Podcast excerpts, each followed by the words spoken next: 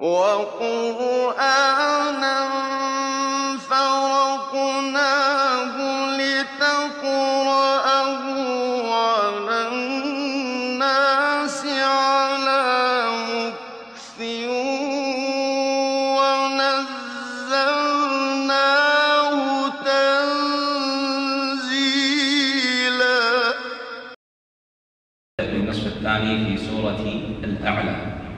التي قد قرأها الإمام في الصلاة. وهذه السورة هي سورة مكية لها ميزات تسمعونها كثيرا. ففي رمضان تسمعونها ربما كل يوم. في صلاة الشفع والوتر. وفي الجمعة بعض الأئمة يقرأها كل جمعة. لذلك من السنة كان النبي صلى الله عليه وسلم يقرأ في صلاة الجمعة وكذلك في صلاة العيدين عيد الأضحى وعيد الفطر الركعة الأولى سورة سبح اسم ربك الأعلى والركعة الثانية سورة الغاشية. وكذلك من السنة في الوتر أن النبي صلى الله عليه وسلم كان يقرأ في الركعة الأولى سبح اسم ربك الأعلى وفي الثانية قل يا أيها الكافرون. فهذه من محافظة النبي صلى الله عليه وسلم ومداومته عليها تدل على أهمية هذه السورة وأنها تحمل معاني عظيمة. يقول الله عز وجل في كتابه الكريم بدأ فقال بسم الله الرحمن الرحيم. سبح وهذا فعل أمر. قال سبح اسم ربك الأعلى. عندما نزلت هذه السورة هذا أمر بتسبيح الله العلي. الأعلى سبحانه وتعالى. الرحمن على العرش استوى وهو سبحانه وتعالى في أعلى. قال سبح اسم ربك الأعلى. قال الصحابة رضي الله عنهم عندما نزلت قول الله عز وجل فسبح باسم ربك العظيم قال النبي صلى الله عليه وسلم اجعلوها في ركوعكم. فنحن عندما نركع ماذا نقول؟ سبحان ربي العظيم. قال وعندما نزلت قول الله عز وجل. سبح اسم ربك الأعلى قال النبي صلى الله عليه وسلم اجعلوها في سجودكم. فيقول المرء في سجوده سبحان ربي الأعلى. لماذا؟ لأن في الركوع خضوع وتعظيم. تقول سبحان ربي العظيم. لكن في السجود هي غاية الذل والانكسار والإخبات لله عز وجل تقول سبحان ربي الأعلى. فأنت أيها المرء المسلم العابد لله عز وجل تضع أعلى ما عندك وهو رأسك في الأسفل في الأرض. لماذا؟ لتذكر الأعلى سبحانه وتعالى. فتقول سبحان ربي الأعلى. في العلاقة مع الله عز وجل كلما تنزل كلما تتواضع يرفعك الله عز وجل. لكن إن تكبرت قسمك الله كما قال حديث من تواضع لله رفعه ومن تكبر قصر. قال النبي صلى الله عليه وسلم أقرب ما يكون العبد من ربه وهو ساجد. واسجد واقترب. إذا أردت أن تقترب من الله عز وجل عليك بكثرة السجود. لذلك قال الصحابي رضي الله عنه النبي صلى الله عليه وسلم عندما سأله سلني يا رفيع شاب صغير خدم النبي صلى الله عليه وسلم فأراد النبي صلى الله عليه وسلم أن يكافئه فقال سلني يا ربيع. فقال ربيع أسألك مرافقتك في الجنة. فقال أو غير ذلك؟ قال هو ذاك. مرافقة النبي صلى الله عليه وسلم في الجنة ما هو أمر سهل فقال النبي صلى الله عليه وسلم أعني على نفسك بكثرة السجود. عليك بالإكثار من السجود. ومعنى كثرة السجود أي الإكثار من النوافل والتطوعات لله عز وجل. كثر ما تسجد لله عز وجل تكون قريبا في منزلة النبي صلى الله عليه وسلم. قال سبح اسم ربك الأعلى. فكان النبي صلى الله عليه وسلم إذا قرأها في الصلاة قال سبح اسم ربك الأعلى قد تسبح. سبحان ربك الأعلى. سواء في فريضة أو في نفل. لا بأس. قال سبح اسم ربك الأعلى. من هو؟ من صفاته سبحانه وتعالى. قال الذي خلق فسوى. أي خلق الخلق فسواه. قد خلقنا الإنسان أحسن تقويم. سبحانه وتعالى خلق كل دابة سواء إنسان سواء حيوان خلقها في أحسن تقويم. سبحانه وتعالى. فترى الدواب خلقها فهي تعرف ما تأكل وتعرف كيف تسير وتعرف ما الذي ينفعها وما الذي يضرها.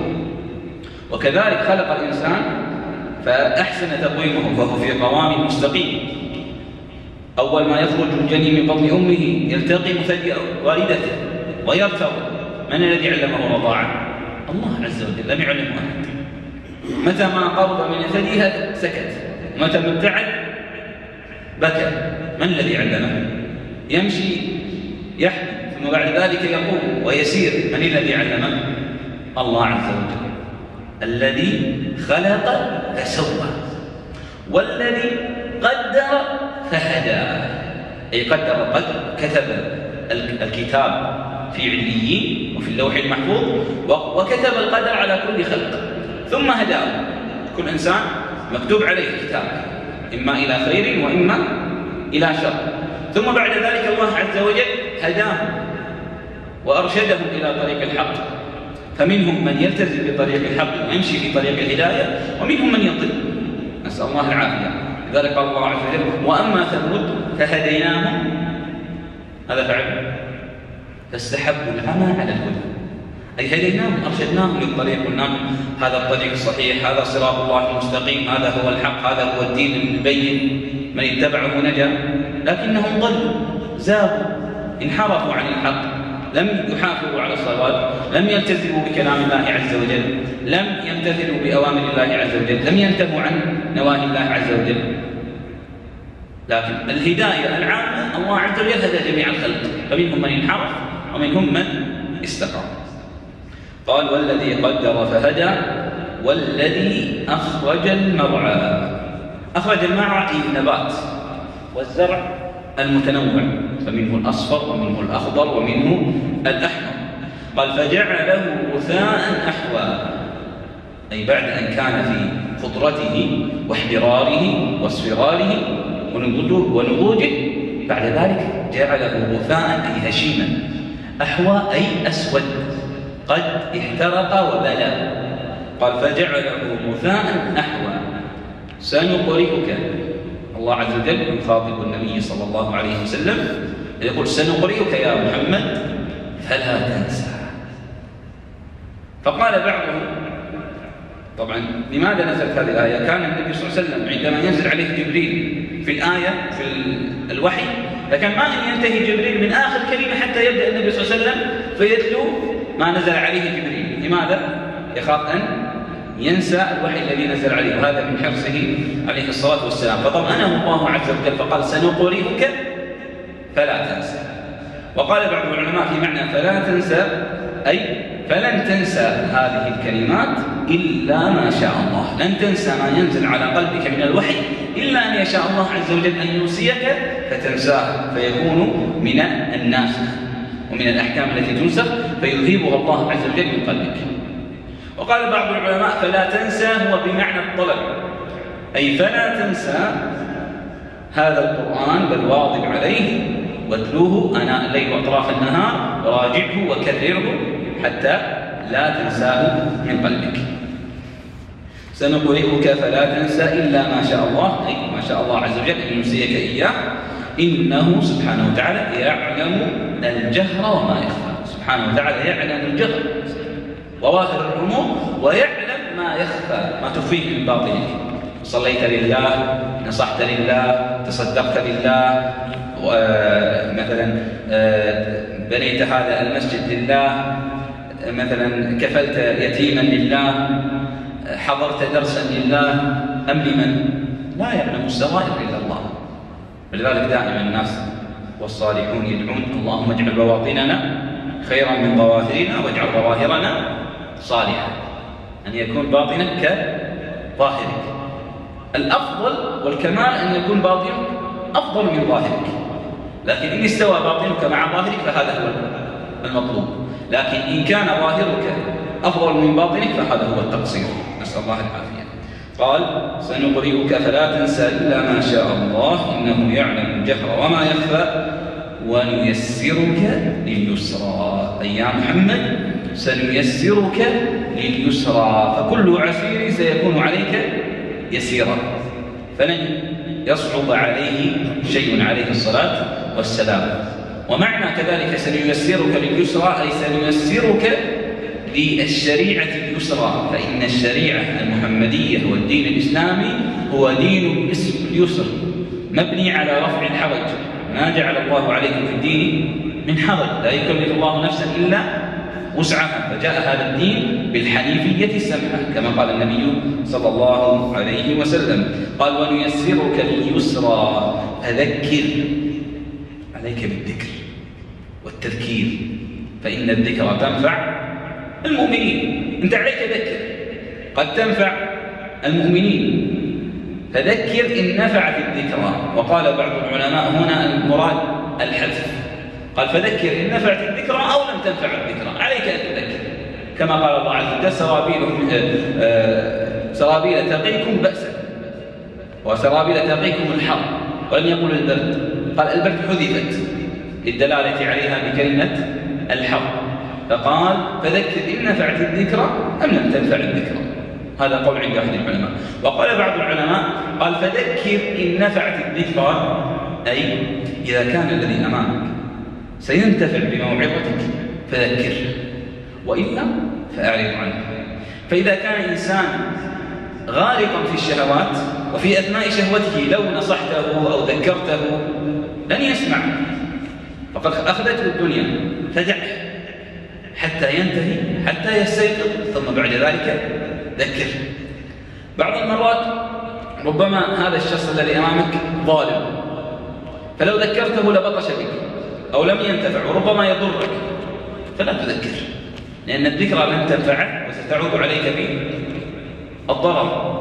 فهنا لا تذكر وهذا من ضوابط الأمر المعروف والنهي عن المنكر. قال فذكر إن نفعت الذكرى. سيذكر من يخشى. أنت عليك التذكير. لكن سيذكر من الذي يذكر؟ من يخشى الله عز وجل. ويتجنبها الأشقى. قال يتجنب الذكرى الشقي. الذي لا ينتفع بالذكرى وبالموعظة فهو الشقي. نسأل الله العافية. لذلك الله عز وجل مدح من انتفع بالموعظة فقال ولو أنهم فعلوا ما يوعظون به. لو أن الناس فعلوا ما يوعظون به لكان خيرا لهم وأشد تثبيتا. وإذا لآتيناهم من لدنا أجرا عظيما ولهديناهم صراطا مستقيما. كل هذه الجوائز لمن يفعل ما يوعظ به. إذا سمع الدرس عمل بما في الدرس. قال يتجنبها الأشقى من هو الشقي؟ الذي لا ينتفع بالواعظ الذي يصل النار الكبرى لا ينتفع بأوامر الله عز وجل. قال النار الكبرى أما النار الصغرى ما هي؟ هي الدنيا نار الدنيا. أما النار الكبرى فهي نار الآخرة. ثم لا يموت فيها ولا يحيا في هذه النار. نسأل الله العافية. خالدين فيها أبدا. لا يموت فيها. فيرتاح ولا يحيا فيطمئن. فهو في عذاب. ومعنى الحياة أن يكون مطمئنا لا يموت فيها ولا يحيا. قد أفلح من تزكى. الفلاح لمن يتزكى. ومعنى التزكية هنا تطهير النفس وتنقيتها من الآثام والغل والحسد والحقد وجميع الصفات الذميمة. فتنقيها. قد أفلح من تزكى وذكر اسم ربه فصلى. أي ذكر اسم الله عز وجل فحافظ على الصلوات في وقتها. ثم قال جل وعلا بل تؤثرون الحياة الدنيا. أي كيف تؤثرون الحياة الدنيا؟ وتقدمونها على أخراها قال ابن مسعود رضي الله عنه إنما قدم الناس الدنيا لأنها أحضرت ورأوها ورأوا زينتها ونساءها وملذاتها فقدموها على الآخرة وأما الآخرة فإنها أخفيت ولكنها خير وأبقى. فبعض الناس يقدم الدنيا لافتتانه بها ولأنه قد عجل بالعاجلة قبل الآجلة. لذلك قال الله من كان يريد العاجلة عجلنا له فيها ما نشاء لمن نريد. ثم جعلنا له جهنم يصلاها مذموما مدحورا ومن أراد الآخرة وسعى لها سعيها وهو مؤمن فأولئك كان سعيهم مشكورا. كلا نمد هؤلاء وهؤلاء من عطاء ربك وما كان عطاء ربك محظورة قال بل تؤثرون الحياة الدنيا والآخرة خير وأبقى. أي الآخرة هي خير من الدنيا وهي أبقى لأن الدنيا فانية. لكن الآخرة هي باقية والآخرة خير وأبقى. إن هذا لفي الصحف الأولى. ما الذي في الصحف الأولى؟ جميع ما في سورة الأعلى ذكر في الصحف الأولى صحف إبراهيم وموسى. من هذه الأزمنة السابقة ومن تلك الأزمنة السابقة ذكرت هذه التعاليم بأن الحياة الدنيا فانية والآخرة هي الباقية وأن عليك بتزكية نفسك وأن الله عز وجل هو الذي أخرج المرعى وأنه من ينتفع بالذكرى سينجو ومن ومن أعرض عن الذكرى فيشقى. نسأل الله عز وجل يجعلنا ممن ينتفع بالذكرى فينجو. ولا يجعلنا ممن لا ينتفع بالذكرى فيشقى ويجعلنا ممن يقدمون الآخرة على الدنيا والحمد لله رب العالمين وجزاكم الله خيرا على حسن